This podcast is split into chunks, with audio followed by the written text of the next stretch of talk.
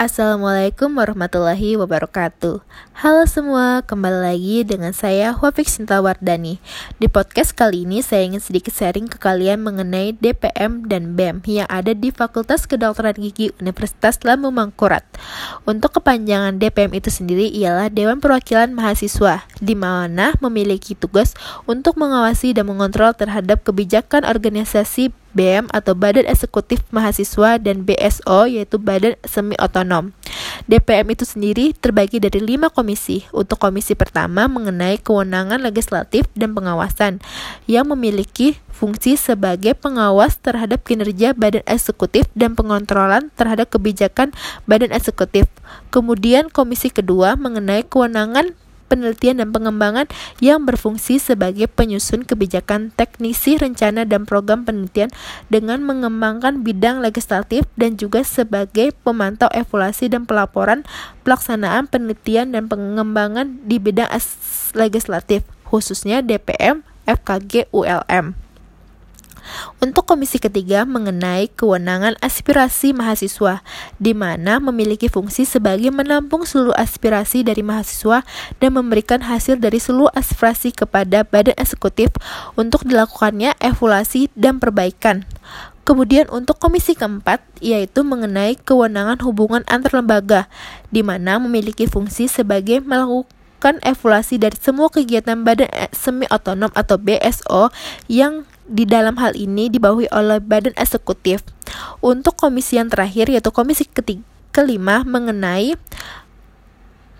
teknologi informasi dan multimedia yang berfungsi sebagai sarana pendataan semua informasi dalam lingkup fakultas maupun universitas.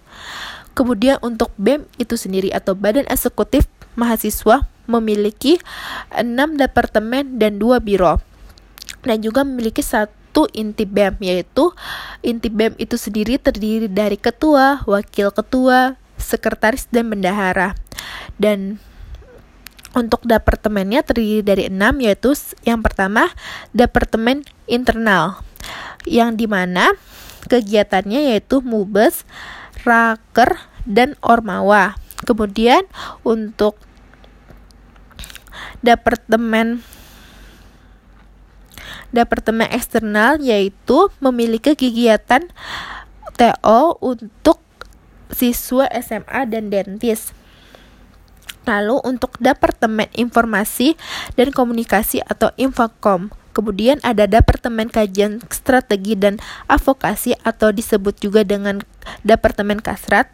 Lalu untuk Departemen Pengabdian Masyarakat atau Pengmas memiliki kegiatan seperti WOHD, lalu ada school visit, LKM MTD, lalu ada Baksos Angkatan. Kemudian ada juga Departemen Pengabdian Sumber Daya Mahasiswa di mana kegiatannya yaitu LKMMTD. Lalu untuk bironya ada terdiri dari dua biro yaitu ada biro penelitian dan Biro Penelitian dan Pengembangan atau Litbang. Lalu ada juga yang terakhir Biro Dana Usaha atau disebut dengan Danus. Sekian dari podcast saya. Mohon maaf jika ada salah kata. Saya undur diri. Wassalamualaikum warahmatullahi wabarakatuh.